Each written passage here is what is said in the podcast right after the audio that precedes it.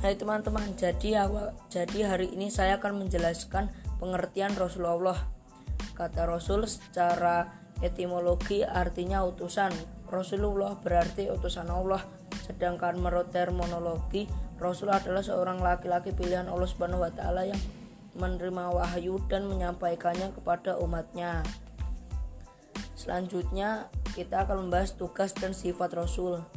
Allah Subhanahu wa taala tugas tugas-tugas yang Allah berikan kepada para rasul antara lainnya sebagai berikut.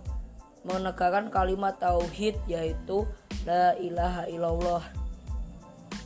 Dalam kitab suci Allah Subhanahu wa taala dalam kitab suci Al-Qur'an wa ma arsalna min qablika min mir rasulin illa nuhi ilai hi annahu la ilaha illa ana fa fa budun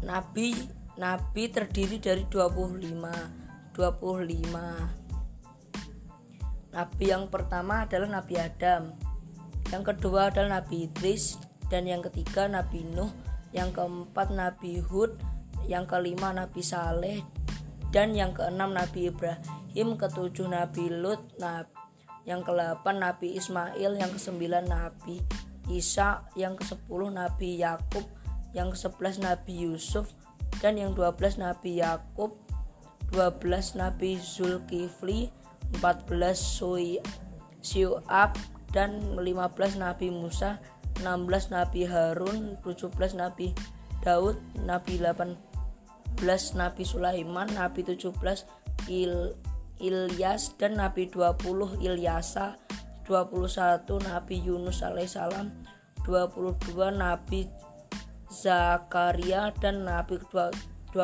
Nabi Yahya 24 Nabi Isa dan Nabi yang ke-25 adalah Nabi Muhammad Shallallahu Alaihi Wasallam. Terima kasih sekian Assalamualaikum warahmatullahi wabarakatuh.